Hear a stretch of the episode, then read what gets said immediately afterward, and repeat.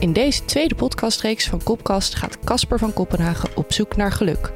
Kopkast, van geluk spreken, is een productie van Casper van Kopenhagen, Medisch Contact en Medfeed, de app voor medische podcasts. In deze aflevering gaat Casper in gesprek met geneeskundestudenten aan het Erasmus MC, Daniel en Uslem. En vandaag bij mij in de studio twee geneeskundestudenten van het Erasmus MC. Daniel Mulder, voormalig lid van de studentenraad van het Erasmus. En Özlem Pelivanoglu, dat gaat ze zo meteen zelf even beter uitspreken. Die uh, tot voor kort bron- en contactonderzoeker bij de GG Rotterdam was. Ja, klopt helemaal. Ja, nou sprak ik jouw uh, achternaam uh, belachelijk uit. Kun je dat nog één keer prachtig voordragen voor ons? Dat we... Ja, nou vooruit. Pelivanolo. Pelivanolo. Nou, zo is het een stuk makkelijker. Um, ik heb jullie uitgenodigd omdat jullie min of meer het haakje waren voor deze hele podcast-serie. Die eer is voor jullie. Maar eerst hebben jullie te luisteren naar mijn, uh, mijn blog, die ik voor jullie ga voordragen. Hij is kort, dus hij is aangepast op jullie uh, aandachtspannen, om het zo maar eens mm-hmm. te zeggen. Van jullie generatie zou ik bijna zeggen, maar daar gaan we het vandaag over hebben. De titel: Gelukkig. Wat wil je worden straks? Gelukkig, zegt hij. Gelukkig? Ik ben even van mijn stuk. Aan het einde van een werkcollege, de bovenste extremiteit, neem ik de kans waar, zoals ik altijd doe, voor een ken je de revalidatie en sportgeneeskunde boodschap. En dus de vraag, wat wil je worden straks? En juist deze student had ik ingeschat op chirurg of cardioloog. Niet dus. Gelukkig, zei hij. Luid en duidelijk. En om eraan toe te voegen, en ik maak me daar wel zorgen over. Het gaat in de media alleen maar over balans, burn-out, te lang en te hard werken, administratieve romslomp, uitvallers in de opleiding en daarna ook als specialist. En dan op de koop toe is er op dit moment nog heel veel werkeloosheid onder de jonge klaren. In stem het geroezemoes van de studenten rondom hem. Ik val even stil. Wat een zorgen. Had ik die ook toen ik de eerste treden van mijn carrière betrad? Precies 25 jaar geleden haalde ik trots en opgelucht mijn artsenbul. Ik ben geneeskunde gaan studeren om sportarts te worden. Alles had ik erop gericht. Dus bij mij geen twijfel. Echt niet? Tuurlijk wel. Maar dit is wat ik wilde. En zo verhuisde ik naar Enschede, naar Zwolle om maar in opleiding te komen. De eerste jaren van mijn werkende leven maakte ik 60 tot 80 uur. Niet te doen eigenlijk, maar het hoorde erbij. En zette de toon. Parttime werken was een no-go area in die tijd. En toch ook niet. Want tijdens mijn kooschappen hadden twee vrouwelijke co-groepleden, beide moeder van jonge kinderen, beide reeds een opleiding en werkjaren als verpleegkundige achter de rug, een duobaan georganiseerd. De eerste parttime co-assistenten van Utrecht. De weerstand die dat oproept, man, man, man. Het was niet mals en bij tijden wijlen zelfs helemaal tergend. Een dokter is geen parttime vak. Moeders hebben hier niks te zoeken. Niet gelogen, hè? Maar het voelde als een revolutionair voorjaar. Ik voelde de kentering komen. En het is ook gebleken. En nu voel ik dat weer, die kentering. Maar het gaat nog verder. Ja, de millennials klopten al aan de deur. Die wilden het anders. Maar de huidige generatie schrikt nog verder terug. Dit willen wij niet. En we hebben de discussie hierover aan te gaan. Nog verder, nog dieper. Om te duiden. Omdat generaties onder ons, en dat is echt van alle tijden, het anders willen doen. Wij wilden het ook anders doen. Beter? Ik denk het wel. Mijn generatie en die daarboven hebben ervoor gezorgd dat Nederland al jaren tot de top van de wereld behoort qua gezondheidszorg. Maar tegelijkertijd hebben wij het klimaat en de natuur van diezelfde wereld redelijk naar zijn gootje geholpen. Dus we hebben het maar te luisteren. En we hebben onze visie aan de jongere generatie te toetsen en niet op te leggen. Nou, laat ik dus maar boter bij de vis doen. En we deze dus in gesprek gegaan met deze twee studenten, waarvan één, Daniel, de bewuste uitspraak had gedaan. Ja. Ja, je hebt nogal wat teweeg gebracht. Ja, ja, ja, ja, ja. Ja, ontzettend mooi dat we, hier, uh, dat we hier mogen zitten en dat we het hierover kunnen hebben. Want het zijn onderwerpen waar, waar je als student, denk ik, nou, eigenlijk elke dag, elke week bij stilstaat en over hebt. En nu ineens kan je dat uitdragen en kan je het vertellen ook aan andere mensen, kunnen andere mensen ook bewust van worden. Dus dat is wel heel tof. Ja, ja. want je krijgt iedere week te horen wat wil je worden als je Absoluut. straks klaar bent. Want Euslem, ik heb het toen ook aan jou gevraagd, maar er is me even ontschoten wat jouw antwoord was. Waarschijnlijk een ontwijkend antwoord. Of zei je uh, maag, leefhard? Nee, nee, nee. Um, ik zeg altijd dat ik het nog niet helemaal weet. Maar waarschijnlijk iets in, de, in een beschouwend specialisme. Die kant wil ik wel graag opgaan. Zoiets had je gezegd dan mm -hmm. tegen mij. Ja. Uh, had je ook gelukkig gezegd als antwoord? Um, of ik dat zou zeggen of heb ja, gezegd? Nou, ik zou zeggen. ja. Ja, nee, dat zeker. Ja, ja ik wil um, heel graag later... Voor mij is het belangrijk dat ik een uh, goede balans tussen privé en werk heb. Ik zeg altijd, ik ben geen carrière-tijger. Ik heb respect voor die mensen die dat willen, hè, hoog op de ladder willen komen. Uh, die neurochirurg willen worden, cardiac chirurg, noem maar op. Um, maar ik kies graag voor iets wat ik zowel leuk vind, maar ook goed kan combineren met mijn privéleven later. Ah, nou, dat gaan we straks nog een beetje mhm. uitdiepen. Maar deze uh, podcastserie heet uh, Kopkast van geluk spreken. Dus wij spreken van geluk. Maar dan moet je natuurlijk eerst weten wat geluk is. En dat heb ik mij laten uitleggen door de geluksprofessor van uh, Nederland, professor Meike Bartels.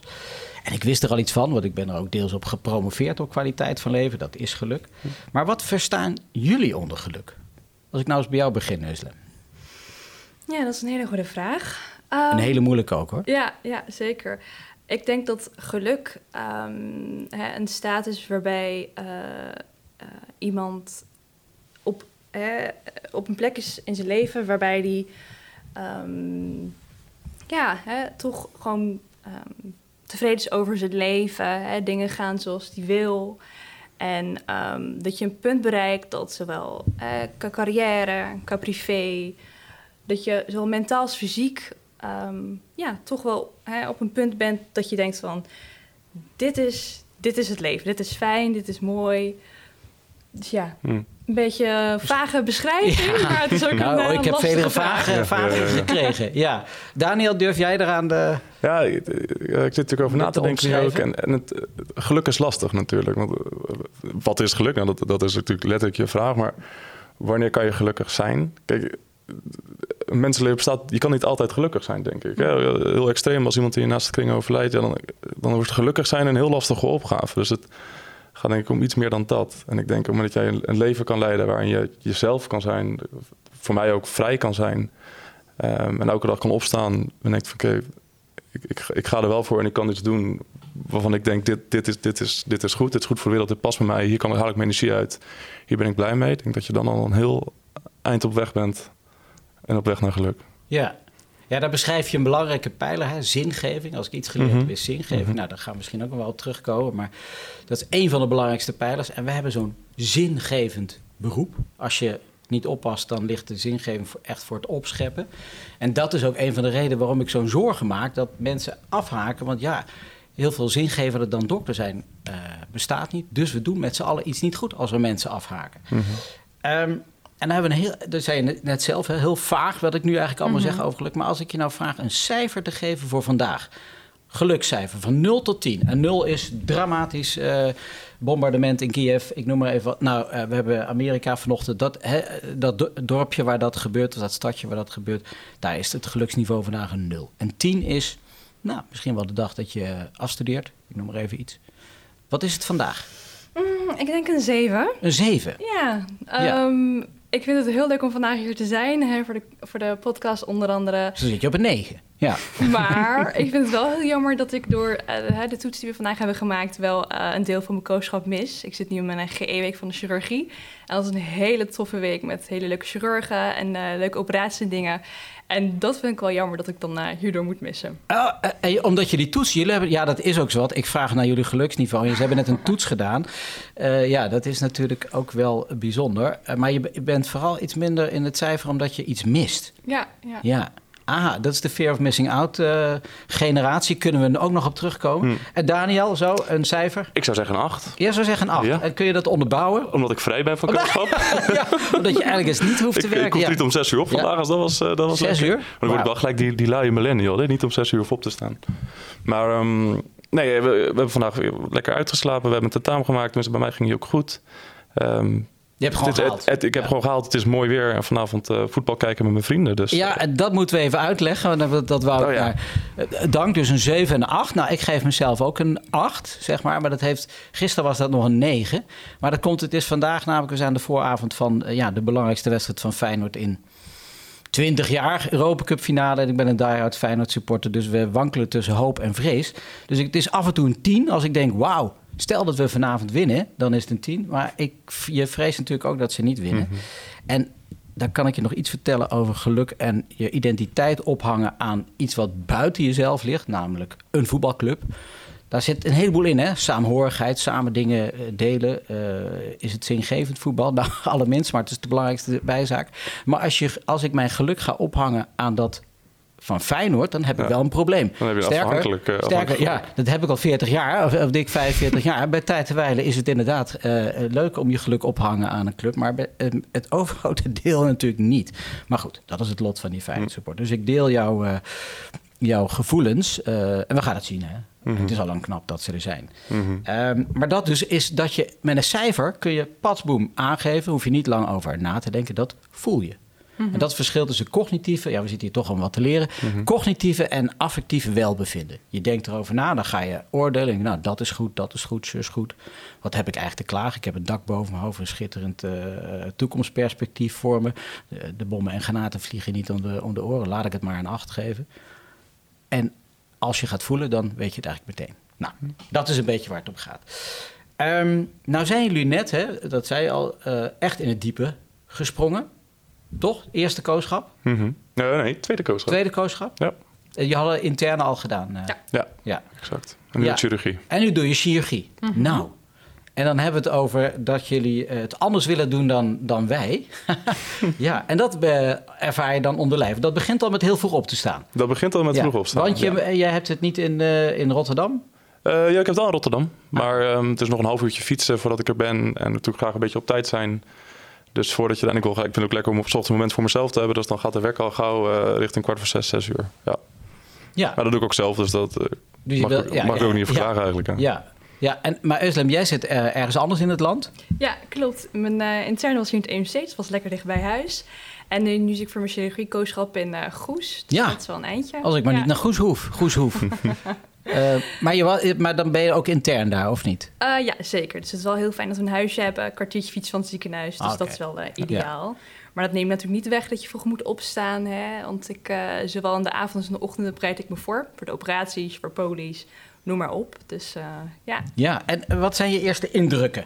En het wordt later uitgezonden, hè? dus die mensen hebben, heb je niks meer mee te maken straks. Ja, nou, ik moet zeggen, omdat ik natuurlijk al heel graag de beschouwende kant op wil, heb ik wel iets van een tunnelvisie hè, die, die kant op.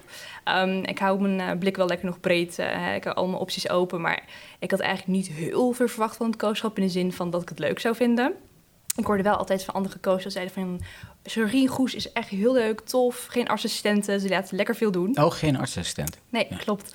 Um, maar dat, zijn, moet... dat zijn ook hele vervelende lieden, hè, die artsassistenten, weet je niet? Nou, het EMC heb ik wel geluk gehad, maar... Oh, okay. uh, ja. Ze nemen meer voor je op voor de co dan, uh, dan de specialist. Oh, vaak. oh, oh, oh ja. ja. In nou, Goes ja. zijn ze wel oh, dat zijn hele lieve hoor. lieden, ja. ja, ja. Um, nee, maar het, ik ben wel positief verrast. Um, het is toch wel heel tof, niet alleen om te zien, maar ook om dingen te doen. Bij de interne, in het EMC althans, was dat heel erg uh, ja, een opnamegesprek wat niet altijd nodig was. Dus je had het eigenlijk een beetje achteraan de IELTS aan het lopen. Maar dat was het eigenlijk. Heel veel bijdrage had je niet. Maar in Goes is dat toch wel anders. Je wordt gewoon ingezet. Ja, ja maar. zeker. Ja. zeker. Ja. Nieuwe patiënten doe je zelf. Op de operatiekamer doe je heel veel toffe dingen. Dus uh, ja. positief verrast. Ja. Mooi. Hm. Daniel, uh, onderschrijf jij deze gedachtegang van uh? Um, ja, ik denk het wel. Ik, ik ga altijd heel blanco mijn, mijn kooschappen in. En um, wat me nu vooral het meest verbaasd heeft uh, bij Xi en wat, wat ook zegt, dat ik, ik heb meermaals bij een operatie gestaan. En dan kijk je naar een, een open buik bijvoorbeeld en dan denk je echt, wauw, dit kunnen we. We kunnen iemand zo openmaken. Ja, die is redelijk open, hè? Die, die is hartstikke ja, open ja, en, die, en die, over een week kan die gewoon naar huis gezond met uh, een klacht minder. Dat je echt denkt dat, dat dat mogelijk is en de technieken die we, die we hebben en de, hoe dan SIDA in werkt en, en de, nou, het hele systeem eromheen is echt bizar. Dus dat mindblowing, laat ik het zo zeggen. Ah, ja. En, en zeg maar, je, je stapt een bepaalde entourage in, hè, een bepaalde sfeer, een bepaalde werkcultuur. Mhm. Uh, ben je geschrokken? Um, ja en nee. Ja, of laat ik zeggen nee, omdat we, zijn wel voorbereid daarop. Misschien iets te, zou ik zeggen, ook vanuit de opleiding. We zijn heel erg gewaarschuwd. En uh, nou, het, het, stigma van de chirurgie en, en ja. de hiërarchie daarbinnen, daar, dat, dat, dat is wel bekend bij geneeskundestudenten. Maak je borst maar nat. Exact. Ja. Um, de hiërarchie vind ik meevallen. Het, het, het, is er wel, dat begrijp me goed. Uh, maar niet zo erg als wat ik vroeger, als ik de verhalen van vroeger moet geloven, dan, dan kijk u ook even aan. De, ja. Zo erg is het niet meer. Heb ik die verteld de vorige keer, die verhalen van vroeger? Ja, dat zal je. Ja. Daar ben ik nogal van. Ja. ja. Ja, ik vond het verschrikkelijk, het kooschapschirurgie. Echt het, uh, rampzalig. Die wilde ik echt stoppen met mijn mm -hmm. opleiding. Ik denk, als dit het is. Uh, maar goed, de, de, even door, doorzetten. En ik wist waar ik naartoe wilde mm -hmm. werken. Uh, maar dat had alles met sfeer en omgeving te maken. Hm. Um, Ehm, ja, en dat raakt natuurlijk als je gaat werken, want dat is eigenlijk wat je als co-assistent gaat doen. En dan kom je in die omgeving terecht waar je van vroeger van gedroomd uh, hebt, zeg maar. Dat raakt eraan waarom je eigenlijk geneeskunde bent gaan studeren. Islam, heb jij dat nog scherp waarom je geneeskunde bent uh, gaan ja, studeren? Ja, zeker. Ik wilde eigenlijk als uh, kind zijnde advocaat worden, omdat ik uh, van die om te praten en opkomen voor mensen. Maar op de middelbare school vond ik de biologie en scheikunde, die vak vond ik heel erg leuk. Dus ik wilde heel graag de zorgsector uh, in. Maar ik wist nog niet zo goed wat, hè, wat de opties waren, wat je allemaal kon worden. Um, alleen toen ik 14 jaar oud was, is mijn uh, oma overleden aan een uh, ja, medische fout, kan ik het eigenlijk wel noemen. Ze was hartpatiënt. Vijf jaar daarvoor was ze ook geopereerd, een open hartoperatie. En toen kwam ze met klachten op de SCH. Toen hebben ze dat helemaal niet zo serieus genomen. De huisarts dacht dat ze ja, een griepje had. En toen is ze daar overleden. En ze hebben nog uh, ja, drie kwartier lang uh, hartmassage gedaan, maar ja, tevergeefs. Hm. Het was eigenlijk al duidelijk uh, hè, dat ze was overleden. En, Ingrijpend. Ja, um, maar op dat punt was het echt zoiets voor mij dat ik dacht... nu weet ik zeker dat ik een dokter wil worden. En niet hè, zomaar een dokter, maar een dokter die oprecht geeft om haar patiënten. En niet dingen maar een beetje afscheidt of hè, doet omdat het moet... Want ik merk dat sommige mensen toch wel vaak arts willen worden om hè, het beeld of het geld of noem maar op. En niet om eigenlijk het vak zelf, om mensen echt te helpen met oprechte intenties. Dus dat wilde ik wel graag zelf doen. Ja, nou, ja. op een enorme nobele, mm. of een heel enorm nobel streven. Nou ben je een tijdje co. Uh, we kunnen nogal wat fouten maken, hè? Mm -hmm. Dat heb je gemerkt, denk ja, ik. Ja. ja, ja. Maar de, het ging jou niet om die fout, maar het ging je meer omdat er onvoldoende aandacht voor ja, je... Klopt. Ja, heb ja, ik dat ja. Uh, goed? Ja. zeker. Dus dat ga je niet doen?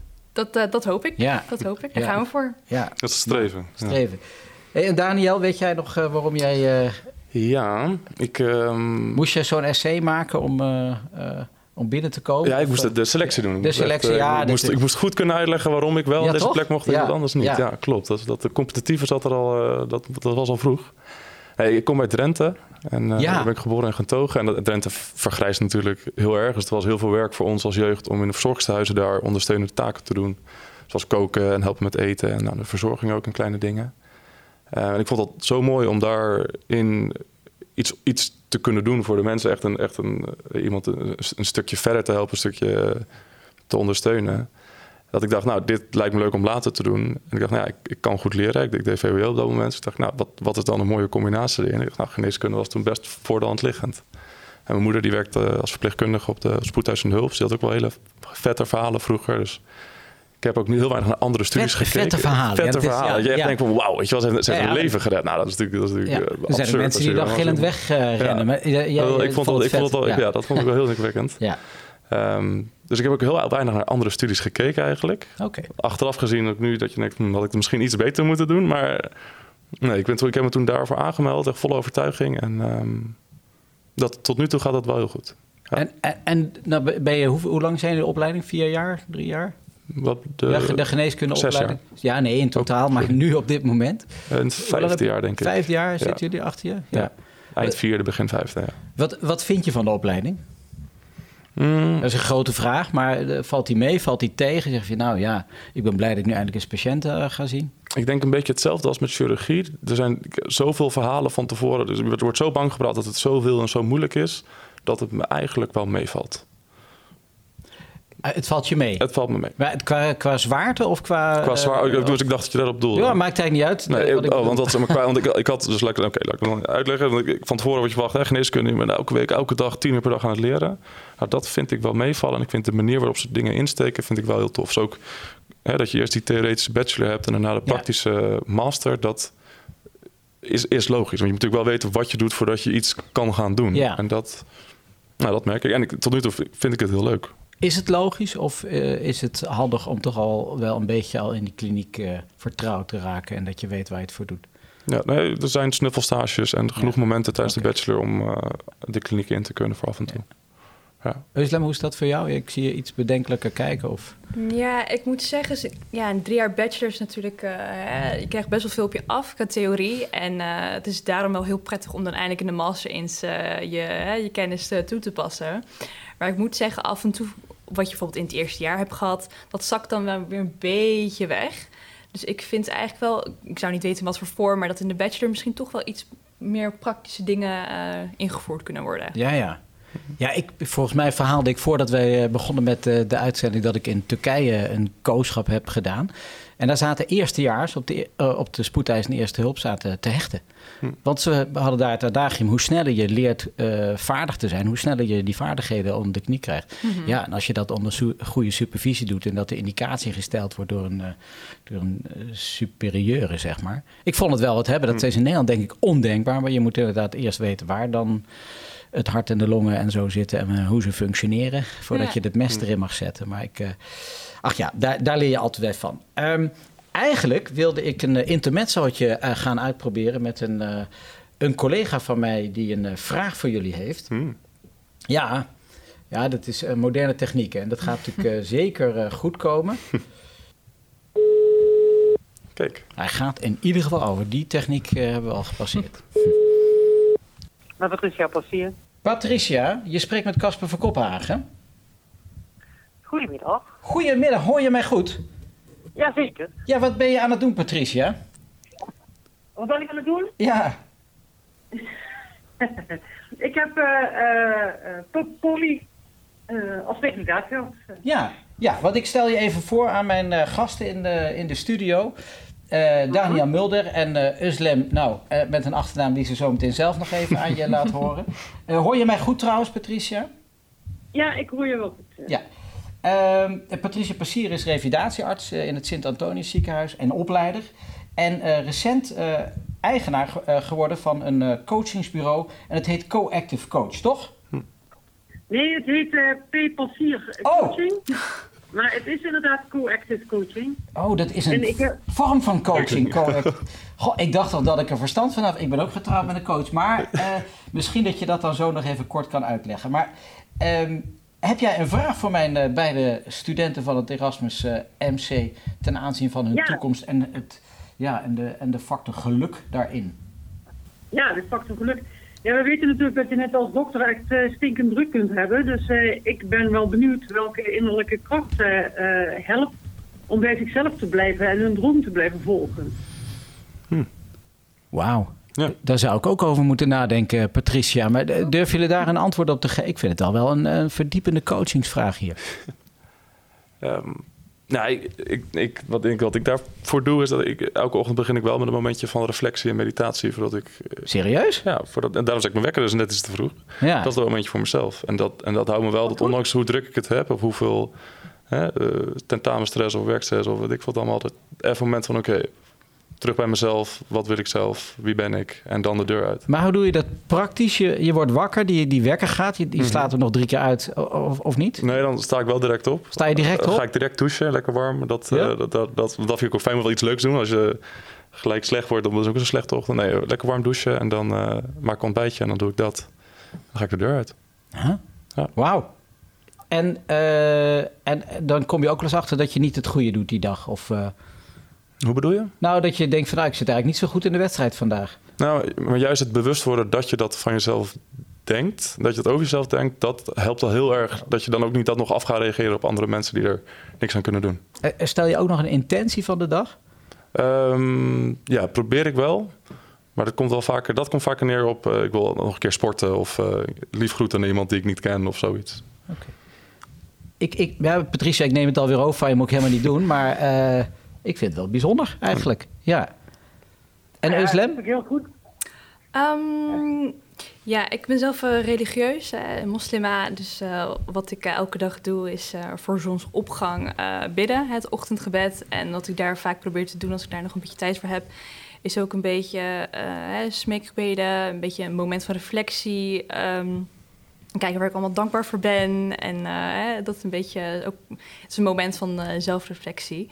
En natuurlijk gebeuren er allemaal dingen op de aarde. Hè? En dat is toch wel een moment dat je beseft van hoe, hoe dankbaar je bent en hè, hoeveel geluk je hebt met dat je een dak boven je hoofd hebt, hè, dat je kan studeren, dat je een baantje hebt. Dus voor mij is dat eigenlijk wel een beetje eh, aan het begin van de dag moment dat ik even dat, uh, ja, dat voor mezelf voorzet. Patricia? Waar, waar heb jij die wijze koers? Ja, ik, uh, ik, ik denk ook, we gaan die mensen wat leren. Maar die, die, uh, hadden wij dat maar uh, gedaan destijds, hè? Ja, ja ik, ik ben echt onder de indruk. Ik nog nooit iemand horen zeggen. Nee, nee. En dit is toch, kijk, en dus leren wij iedere dag weer bij van de andere generaties. had je nog een, een, vraag die je, of, die je zo te binnen schiet? Nou, ik ben er wel benieuwd, want, want ik hoor van, van allebei de, de, de, vooral de intentie en de reflectie of vooraf of aan het eind van de dag en de, de, de dankbaarheid. Maar dan ben ik benieuwd, hoe, hoe hou je dat vast tijdens de dag? Ja. Omdat er weer van alles van je gevraagd wordt, van supervisoren, van, uh, van patiënten. Hm. Um, ja, die, de meditatie die ik, die ik zelf doe, die, heeft, uh, die schreef altijd aan het einde van de sessie mee, let op als je op moment van transitie bent, dus als je van de stoel op gaat staan of als je naar de wc gaat of even iets anders gaat doen, let dan weer even op je ademhaling. Ja, nu gaat het wel echt gelijk de. Gaan wel. en, dat, en, dat, en, en als je het echt druk hebt, vergeet je dat wel eens. Maar soms wordt het zo druk dat je ineens denkt: wat is aan de hand? En dan denk je: hé, hey, en dan doe je het dan. Oké. En dan herpak je jezelf even. Ja? Dat is echt Heb je het deze week gedaan? Het is nu ja. woensdag. Ja? ja? Gisteren nog. Ja. Wat, was er, wat gebeurde er? Nou, dat was de, een, een, een, een naar moment dat, een, uh, dat ik de, een van de hoofdchirurgen aansprak met: hey, uh, hoe was de OK?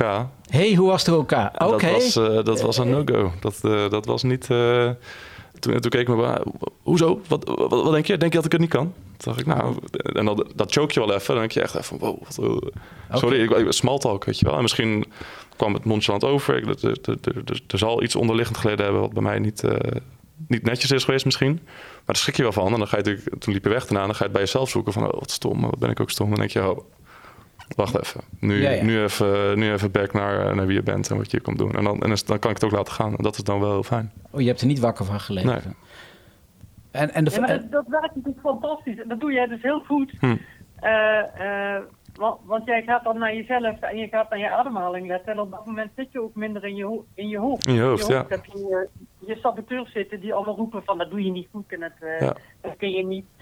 Maar op het moment dat jij naar je ademhaling gaat, heeft die saboteur geen kans. Ja. Dus uh, hou dat vast. Ja, absoluut. Ja. En dat, dat heeft tijdens mijn hele coachschap best wel geholpen. Want je zult gewoon moment, iedereen heeft de druk. En soms sta je net op het verkeerde moment op de net verkeerde vraag. Elke coachschap bij iedereen, bij elk mens kan natuurlijk voorkomen. En dan kan je wel gauw herpakken van oké, okay, misschien lag het niet aan mij, maar ja. is het even de omstandigheden. Ja. En dan wacht het wel mij. Oké, okay, maar wat heb ik dan gedaan? En dan kan je daar ja, wat, beter naar kijken. Ja, wat, hoe zou je het de volgende keer dan uh, aanpakken? Als je, je hebt toch die vraag. Ik, ik heb natuurlijk wel even rondgevraagd daarna. Van, hey, andere co-assistenten, hebben jullie het ook zo ervaren? En toen was het antwoord, ja, dit, die, die persoon moet je even geen... Dat, dat smalltalk um, okay. gerichte vraag stellen als je iets wil weten. En anders ja. uh, laten gaan. Het zat hem niet in het woord hey, zeg nee. maar. Want als nee. ik dat thuis zeg, dan krijg ik hey is voor horses, Casper. Uh, nee, maar... Oké. Okay. En, en Uslim, heb je ook zo'n voorbeeld of niet? Uh, nou, qua, hè, nu Daniel zegt dat hij erg op zijn ademhaling let op dat Ja. moment. Um, ik heb niet per se zoiets praktisch wat ik doe. Maar um, wat Daniel ook benoemde, hè, je hebt een bepaald doel voor ogen. Je bent daar voor een bepaalde reden hè, om later gewoon een goede dokter te worden. En ja, er zijn mensen waarmee je goed kan opschieten. En dan heb je ook nou, zulke chirurgen. Die soms een beetje, ja, ik noem het altijd bipolair kunnen zijn. Eén moment zijn ze heel aardig en leuk. En een ander moment heel koud en Ja, kil. hebben wij niet in de revalidatie, Patrice? hebben wij niet? Ja. Um, maar ik probeer dan gewoon eh, kalm te blijven en te denken van... Weet je, iedereen kan een andere mening hebben of een stijl van praten of communicatie. Probeer gewoon jezelf te blijven en niet je te verlagen naar zijn of haar niveau. Nou, Nou ja, eh, Patrice, ik ben best onder de indruk. Eh, ook. ja, de, de- zij, zij gaan morgen niet in jouw praktijk komen, denk ik. Hebben ze niet nodig. Ze Nee, hebben- dat je denk ik niet dat dat je nodig moet, is. Nee, je eh. moet het toch hebben van die dolende dertigers en eh, vertwijfelde veertigers en verdwaalde eh, vijftigers. Eh, mag ik jou danken voor je bijdrage en eh, tot gauw ergens in den landen. Ja, graag gedaan. Ja. Doeg, dankjewel. Succes. Doeg! Doeg. Dat was Patricia Pat- Passier, revalidatiearts in het Antonisch Ziekenhuis in Nieuwegein. En sinds kort coach. Ehm, nou, ik ben oprecht onder de indruk. Eh, waar zullen we het nog eens even over hebben met eh, jullie?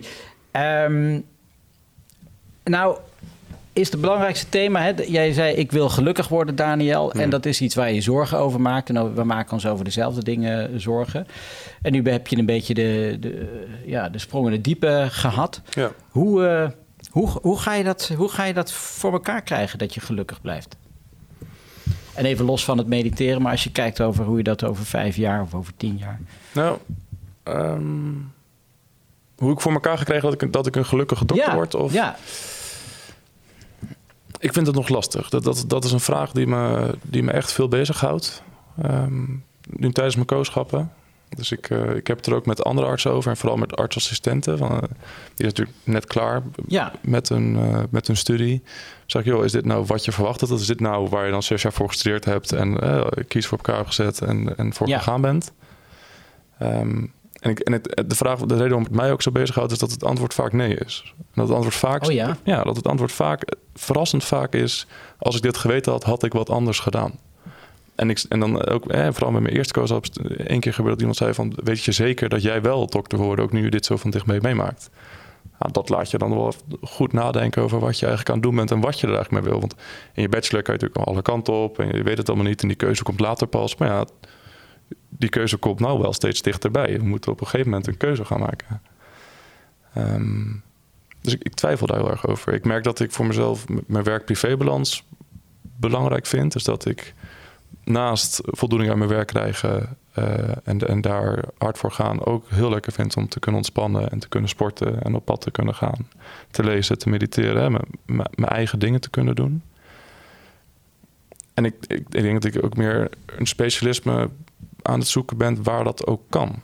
En, waar ik al- ook bij de, bij de patiënt zelf voor die, die gebieden aandacht kan, kan werken. Want soms je komt patiënten tegen, ehm, die, die zijn vaak te dik. Die, ja, wat, wat een patiënt, wanneer word je ziek? Nou als je de risicofactoren hebt. Sommige mensen doen een ongeluk, kan niks aan doen. Nee. En ook met te dik zijn is natuurlijk een een lang verhaal. Maar Ja, ook daar kan je soms ook, kan je soms ook niks aan nee, doen. Nee, en, en matige Ehm, gezondheidsvaardigheden. Absoluut. Nou, maar dat, dat, allemaal. ja, goed, daar, gelukkig. daar, daar- daar zijn, dat is een heel complex probleem. ja. Maar ja, op het moment dat je iemand ziet, dan had je eigenlijk al 30 jaar daarvoor moeten ingrijpen. En denk ik, nee, dan lossen we nu één klein probleem op. Maar wordt die persoon nou echt gelukkiger of beter in, in de komende jaren? En dat miste ik soms nog een beetje. Ja. En eh, heb je al een, eh, een beeld bij eh, specialisme of juist niet specialisme? Hè? Want specialisme is maar een heel klein onderdeel van de Mhm. geneeskunde. Zo word je niet opgeleid, maar het is wel zo. Maar 20% wordt medisch specialist. Mhm. En die andere 80 gaan wat anders doen. Eh, worden misschien wel gelukkig, weet ik niet. Mhm. Eh, ik ben ook medisch specialist. Ja, het, is, het is waar je geluk uit haalt. Hè? Ja. Wat ik nu bij de chirurgie zie, is dat de chirurgen daar. Ik, ik, ik, ik vraag het ook aan onder, waarom wil de chirurg worden en bent u nu, is, is, dit, is dit het nu? En het antwoord is eigenlijk bijna gewoon volmondig direct ja. Dit is, Ja. dit is waarvoor ik leef. En ik, Ja. als ik op vakantie ben, wil ik hiervoor gebeld worden. Als ik s'nachts nachts te licht te slapen, wil ik hier wakker gebeld worden. Ik wil hier elke dag. Dit is het. Snijden is het mooiste wat er is. ja. Aan de ene kant denk ik, ik kan me dat echt niet voorstellen. Aan de andere kant ben ik ook wel jaloers op. En denk, wow, als je zoiets gevonden hebt, dat, ja. Ja. dat dit is, dat, Ja. dat je hier gewoon elke dag... Dit is de bom. Ja, Ja. maar ik- dat maar is kom dat. je die in je omgeving, in jullie stu- stu- studiejaar niet tegen? Wat bedoelt u? Nou, mensen die er zo in zitten in de wedstrijd. Ik weet, ik wil chirurg Zeker. worden. En ik heb er, zet er alles voor aan. Zeker. En, ik, en, en daardoor heb ik vrienden die dus nu in opleiding zijn. Ja. Bijvoorbeeld radiologie. Ja, Wat ontzettend knap is. Maar ook mensen die dat bij de chirurgie wilden doen. Een half jaar aan het werk zijn. En nu zeggen van shit. Eigenlijk niet. Dit ik is het niet. Nee, dit is Ja. het helemaal niet. Dit wil ik, dit wil ik helemaal niet. Hier ben ik dit. en krijg je dan scherp wat het is? eh, waarom ze het niet willen? Is dat die levensstijl, zeg maar, this is a way of living? Of is dat, eh, dat eh, het heftige van het vak waar je voor staat, met eh, dood en leven? En, eh, Ehm, ik denk dat het, dat het werk zelf tegenvalt. Want zeg maar, als, je er, als je erover nadenkt bent of je maakt een keuze, dan zie je natuurlijk alleen de vette dingen. Maar de, bijvoorbeeld de administratieve lomp- romslomp die er omheen komt. En Dat altijd is niet vet. teamverband, Dat- Dat, is dat- helemaal niet vet. Nee, dat, is, Nee. Dat, is, dat valt heel erg tegen. dat is vet. Dat is, Vet ja, vervelend. ja, ik wil iets anders zeggen. Rotterdamse er tegenaan maar ja, vet, ja. Ja. Ja, dus, dus, dat houdt me bezig. Dus ik, ik, ik, ik vraag er veel naar bij specialisten, bij assistenten. Ik, ik, met mijn vrienden heb ik, ik merk dat ik, dat ik nu met coachschap bezig ben, er veel mee bezig ben. Oké, wat wil ik zelf? Hoe ervaren andere mensen dit? Wat is belangrijk? Wat is niet belangrijk? Nou, was ik net heel hoopvol met hoe jullie in, de, in die wedstrijd zaten. Nu be- be- schets je toch wel weer een pessimistische beeld. Islam, deel je dit pessimistische beeld? Althans, in, Nou, is in het mijn, pessimistisch in, of is in het mijn, realistisch? Ja, in mijn Ja, ogen eh, ja, pessimistisch. Ja, Ja, ja, nee, dat wilde ik net zeggen. Ik eh, ben zelf van nature, vind ik, best wel optimalistisch, maar tevens ook realistisch. En soms kunnen mensen dat zoals u dan hè, pessimistisch vinden. Maar zoals Daniel ook zegt, eh, het, je kan een medisch specialisme, eh, dat je dat wil, laten we beoefenen.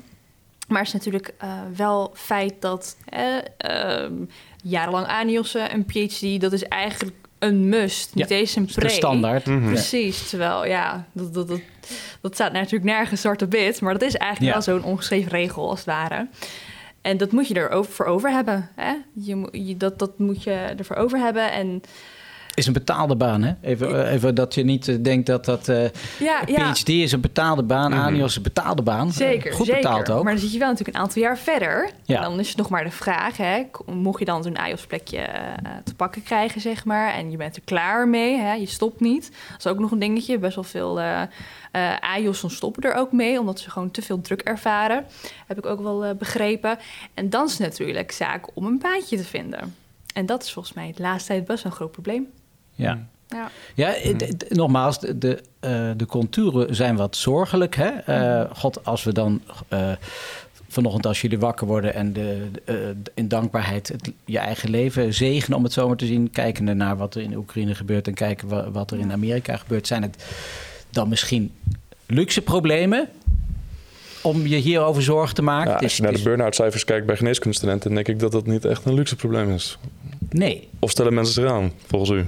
De oude, de oude generatie. Ja, nou dat is waar ik eigenlijk naartoe wil. Hè. En ik, nou, laat ik even in de huid kruipen van mijn generatie. Mhm. Die overigens ditzelfde eh pek met veren is afgevoerd eh, destijds toen wij aankwamen met parttime werken, waar Mhm. ik net naar refereerde. Want dat was not, not dun. En tegenwoordig is het gewoon eh, wel dun, eh, om het zo maar te zeggen. Ik werk in de revalidatie, nou daar werkt bijna niemand meer voltijds. Daar begin je met 0,8 en eh, nou daar kijk je raar aan als je zegt ik wil voltijds werken. Dat heeft dan vaak een reden. Ehm, maar wat ik bespeur is wel dat. eh, kijk, ik maak me zorgen over de kwaliteit van zorg. Hè. Kunnen we die waarborgen als we allemaal parttime gaan werken, om het zo maar te zeggen? Als ik kijk naar, en ik kan het dan best in mijn eigen winkeltje eh, bekijken, de, mijn eigen vakgebied, de revalidatie, maar ook het ziekenhuis waar ik in, in zit. Eh, de mensen die eh, daar richting geven aan het vak, zijn mensen die ongelooflijk veel geïnvesteerd hebben in dat vak. En die, Ja. die rondlopen en vraagt: Vind je dit leuk? Nou, en of ik dat leuk vind. Eh, daar komt dan vaak wel een bijzinnetje bij. De, de opofferingen zijn groot. Hè? Met derde vrouw denkt er wat anders over, eh, noem ik maar even. Zoals dat vro- vroeger. Eh, ik ben gewoon gelukkig getrouwd. Hè? Eh, maar ik heb wel veel gegeven eh, in de afgelopen twintig jaar. Dat realiseer ik me. Ik heb of- opofferingen gedaan. Ik heb dingen ook moeten ontzeggen. Maar ik ben wel over het overgrote deel gelukkig geweest. En dat is wat ik wel bespeur bij de mensen die Ja. vooraan lopen. Dat ze gewoon gelukkig zijn in wat ze doen. En, doordat, eh, en daardoor ook het vak vooruit hebben gebracht. Dus dat is waar ik me zorgen over maak. En wat ik tussen de regels hoor, en dat heb je vast ook al gehoord, Mhm. is dat we ja, die jonge generatie, en we hadden dat meer met de millennials in alle eerlijkheid. Dat eh, benoemde ik ook, hè, want die kwamen binnen met hun portfolio van nou, die extra patiënt vandaag komt niet zo goed uit, want het past niet in mijn portfolio. Ik moet een artikeltje lezen. Ja, dat, dat, daar raakten we geïrriteerd van, omdat dat de eerste keer was dat we dat hoorden. Ehm, maar we zeggen wel, jongens, kom op, er moet Ja, wel gewerkt er worden. moet wel- er, moet ja. wel, er moet wel gebuffeld worden om ergens te komen. ja, zeker. Ja. Ja, en ik, en denk ook niet, ik Is denk dat ook niet, ik denk ook niet dat, dat, dat dat ter discussie staat. Ik denk niet dat, dat onze, en dan praat ik over mijn hele generatie, maar Ja, ik denk dat, de mensen met wie ik praat, laat ik het wel zo Ja. zeggen, maar eh, dat, dat onze generatie erin zegt, nee, we willen, niet, we willen niet meer werken voor onze studie. Ik wil, we werken allemaal knetterhard. Ik denk dat dat misschien een van de pro- problemen is. Maar ik, ja, ik heb het, ja, Nogmaals, die, als je naar die burn-out cijfers kijkt, steeds meer. Ik weet niet of het uw tijd al normaal was, maar ik ken steeds meer mensen die geneeskunde doen en voor een master afgerond is al gepromoveerd zijn. Omdat ze Nee, echt in hun hoofd geïmprint Ja. hebben: als ik niet gepromoveerd ben, dan kom ik nooit in opleiding. Ja. Dus ook met die PhD, natuurlijk, het is een betaalde baan. Oké, heel veel mensen doen een PhD alleen om het hebben Ja. van de titel PhD. En niet, omdat ze het onderwerp leuk vinden, vinden. nee. Binnen de, eh, ik, ik heb mij eens ooit een keer verteld, dat zou ik een keer misschien wel opzoeken, maar dat binnen Nederland is qua, qua PhD en promoveren een, een beroemd land dat we heel goed onderzoek aanleveren. Behalve in de geneeskunde, waar heel veel mensen onderzoek doen bij bijvoorbeeld, eh, ik kan een plekje regelen nu bij de cardiologie. Ga ik daar vier onderzoek doen naar een speciaal enzym wat bij een speciale kinderziekte voorkomt. ja. Dan heb ik daar een heel mooi conclusie op geschreven. Vervolgens word ik longarts. En niemand pakt mijn onderzoek op. Ik word er niks mee.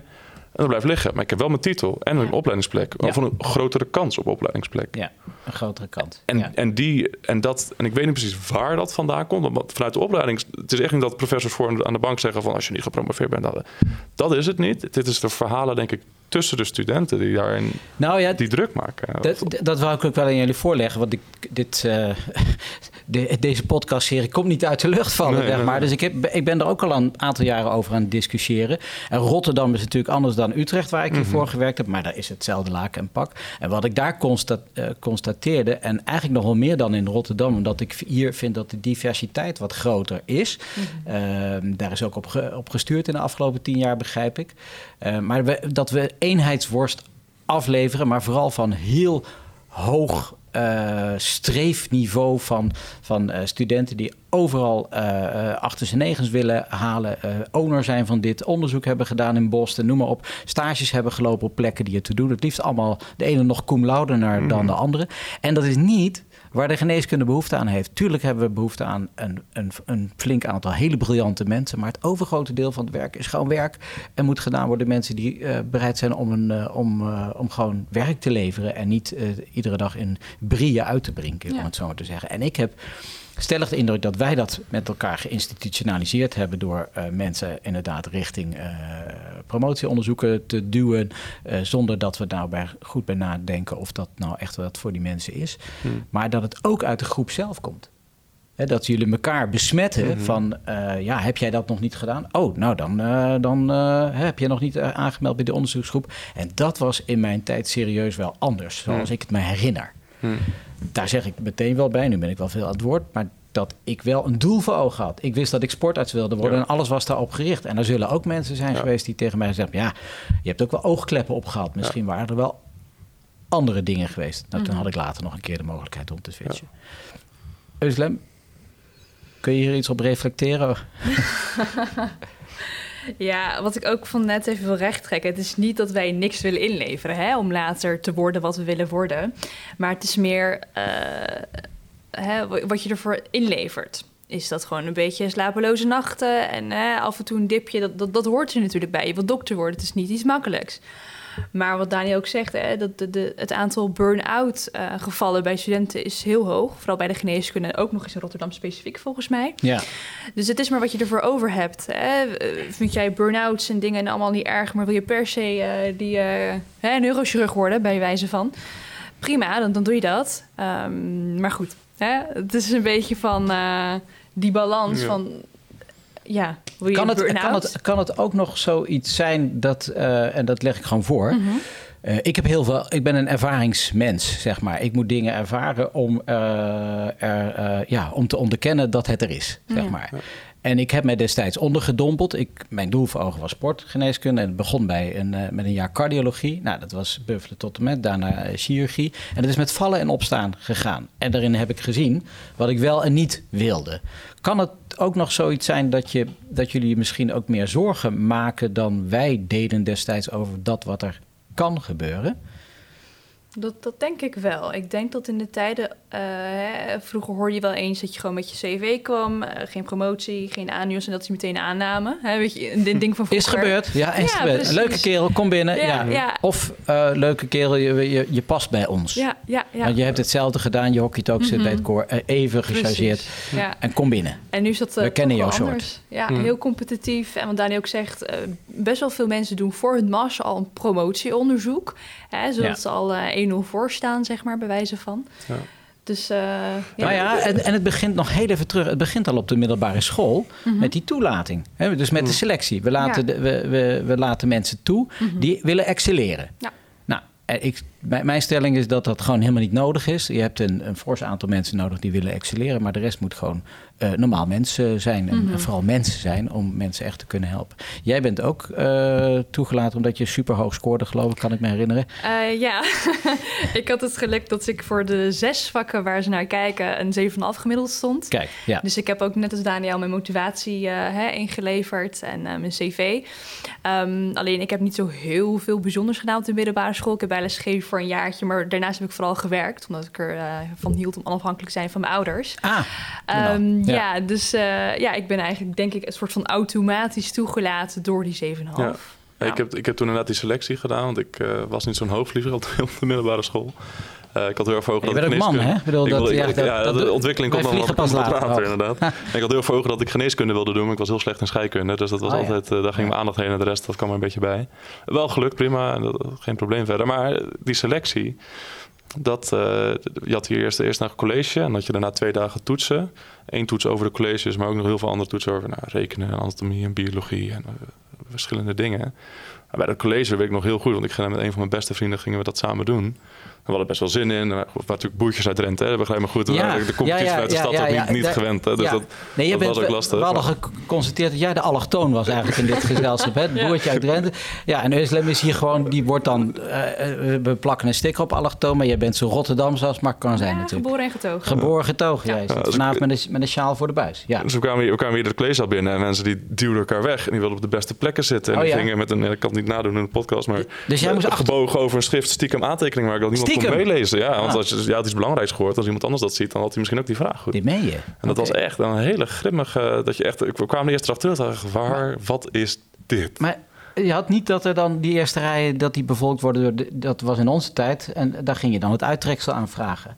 Ja, het was, het was natuurlijk maar, we hadden twee uur college en daar ging dan een toets over. Dus dat, dat was hoe snel kan jij informatie trekken uit een oh. college en hoe goed kan je dat toepassen in een toets. Ah ja. Dus dat was toen echt een soort ja, toetsmoment. Hoe, gaat, hoe goed kan je college volgen? Een heel, raar, heel raar moment. Heb ik geluk gehad dat ik dat niet heb ja, doen. Dat was echt uh, dat, dat, was heel raar. Ja. ja. En toen kwam ons eerste jaar geneeskunde, had je hier nog, dat is nu inmiddels afgeschaft, de NSN-regel. Dus je moest 60 studiepunten halen in je eerste jaar om door te gaan. Dus alles wat we hadden was van belang. Want er is ook maar je, je, je coachgesprek niet gehaald, laat me even zeggen, dan, dan kon je onderuit gaan. Dus ook essay, ook tentamen, ook iets was, was, moest je halen. Je had één herkansing, als dat niet was, dan was het klaar. Uh, dat, dat zorgde ook nog wel voor een redelijke prestatiedruk. Ja, zeker. Uh, dus dan heb je al, ben je eerste jaar gehad, dan heb je al twee best wel indrukwekkende meetmomenten, of in ieder geval ja. uh, toetsmomenten gehad, waarin je eens laat zien wie je bent en wat je kan. Nou, dan moet je nog vijf jaar. Ik ga heel even reflecteren. Ik zit hier tegenover twee mensen, uiterst intelligent, welbespraakt, uh, goed overdacht. Stabiele mensen in de samenleving, zoals je er mij. En ik, het zou nou, ik kan echt vannacht gaan wakker liggen van het feit dat jullie je rug toekeren naar de hmm. geneeskunde. De geneeskunde is zo gebaat bij mensen zoals jullie. En iedere, ieder vak wat jullie zouden willen beoefenen, zouden jullie wat mij betreft moeten kunnen beoefenen. Dus het moet anders. Dat is ook wat ik concludeer. Maar dat wou ik even gezegd hebben. Het zou toch hmm. echt bloedzonde zijn als jullie uh, straks uh, een hondenkennel gaan beginnen op de hei, om het zo maar te zeggen. Wat prachtig werk is, maar daar zijn jullie uh, hebben jullie waarschijnlijk iets te veel competenties voor over. Dus dat wou ik even gezegd hebben. En als het dan allemaal anders moet, hè, en wij begrijpen daar geen lor van, zeg maar. Hè, dat komt het dan in feite op neer. Want dan kunnen, we kunnen, het enige wat wij dan kunnen doen is geïrriteerd raken of zeggen: Nou, die lui zijn echt, die zijn echt dom of uh, te lui. Mhm. En dat is gewoon niet aan de hand. Daar, mhm. daar ben ik er dus ook wat meer van overtuigd. Wat moeten we dan, wat gaan jullie dan straks anders doen? Heb je daar een beeld bij? Hoe ziet jouw leven er over tien jaar uit. Wat doe je dan? En hoe doe je het? Poeh. ja, zo. Uh, ja. Nee, ik heb, hier, ik heb hier stroop rond de lippen, maar dat is gemeend. Dat hadden jullie door, dat het gemeend was. Maar hoe ziet jouw leven er over tien jaar uit? Schets, durf te dromen. Want daar kunnen we van leren, van jouw dromen. Want dat zou ik je gunnen dat je durft te dromen. Ja, ja, nee. Over tien jaar, nou dan hoop ik dat ik tenminste... Hoe oud ben je dan ongeveer, zeg maar? Dan ben ik 33. Ja, ongeveer, hè? Ja. ja 33. En um, ja, ik hoop dan dat ik uh, uh, al beoefen wat ik wilde beoefenen deze jaren. Dus waar ik toch wel naar neig is... Um, uh, Laat het eens gelopen. Wat? Ja, ja de, de huisartsgeneeskunde denk ik toch wel bovenaan, bovenaan mijn lijstje. Dus wat ik voor, voor, me zie is dat ik over tien jaar... Um, nou, een, eigen praktijk, dat is misschien voor wat later nog. Maar ik denk dat ik samen met andere huisartsen een praktijkje heb. Hè? En ik hoop tot dan nog wel een, eh, een kind of twee, gelukkig. Kijk. Met mijn man. Een man, oh ja, dat ja, ja, ook. Ja, ja, 33. Daar had ik laatst met een uh, orthopeet uh, van het A3Z nog een gesprek over. Van op welke leeftijd, hè, wat is een goede leeftijd voor kinderen. En daar hadden we een soort discussie over en die vond hij dat hij toch wel uh, wat, ja, wat later uh, kinderen heeft gehad, dat het wel eerder kon.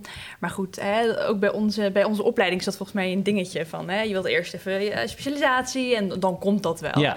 Maar ik hoop toch wel dat ik ergens tussenin mijn specialisatie of ervoor... of hè, um, wel kinderen kan hebben. Want ik zou het echt heel tof vinden om, om jongmoeder te worden. Maar dat moet ook nog wel lukken met de opleiding. Um, nee, maar een, een, eigen huis hoop ik dan ook. Eigen en, huis. Uh, ja, en dan gewoon een goede balans tussen uh, dus privé en werk. Dus ik hoop eigenlijk later max ja, drie, vier dagen in de week te werken. Misschien zelfs later wat minder. Ehm, zodat ik gewoon eh, ook zowel kan beoefenen wat ik heel graag wil doen. Eh, bijvoorbeeld dan uh, huisartsgeneeskunde, maar ook gewoon privé, mijn kinderen. Dat ik daar ook mijn man genoeg tijd aan kan besteden. Helder.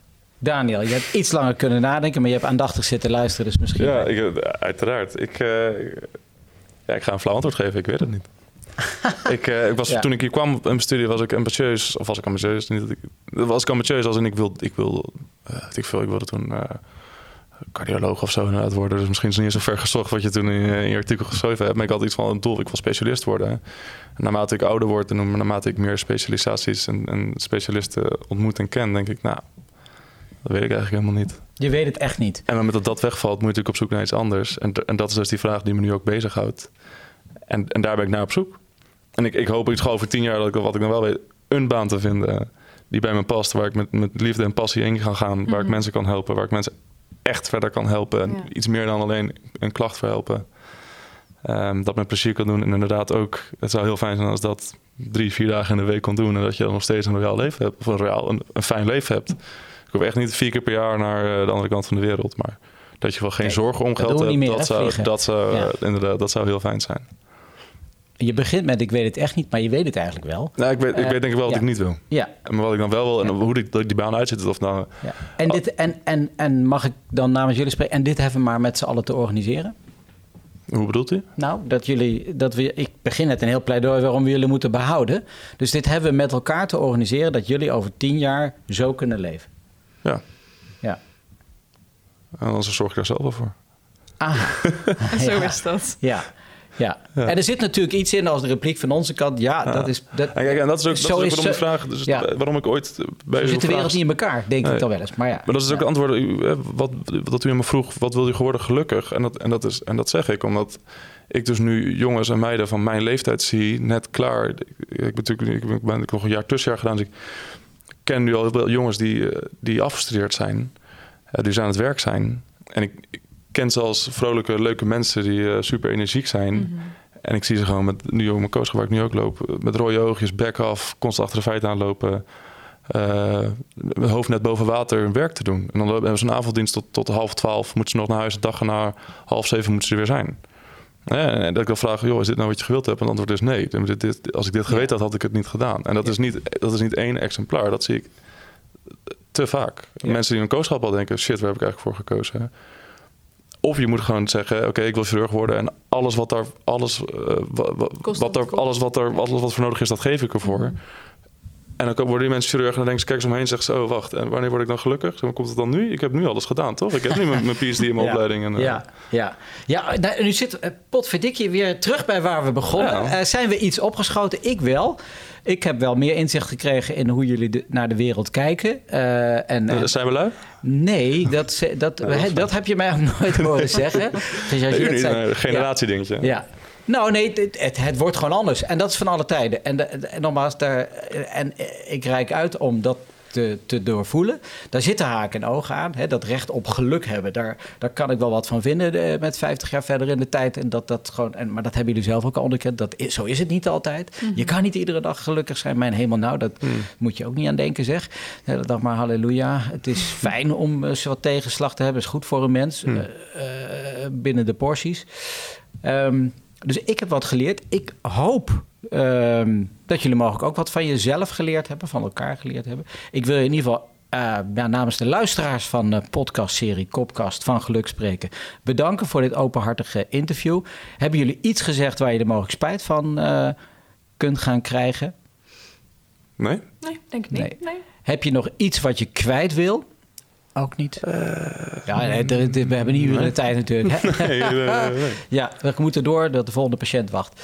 Eh, dank jullie wel. Leuk, en, ik, ja. eh, en ik hoop dat gauw ergens. Ja, ontzettend bedankt ook voor, eh, voor het podium. Ja, zeker.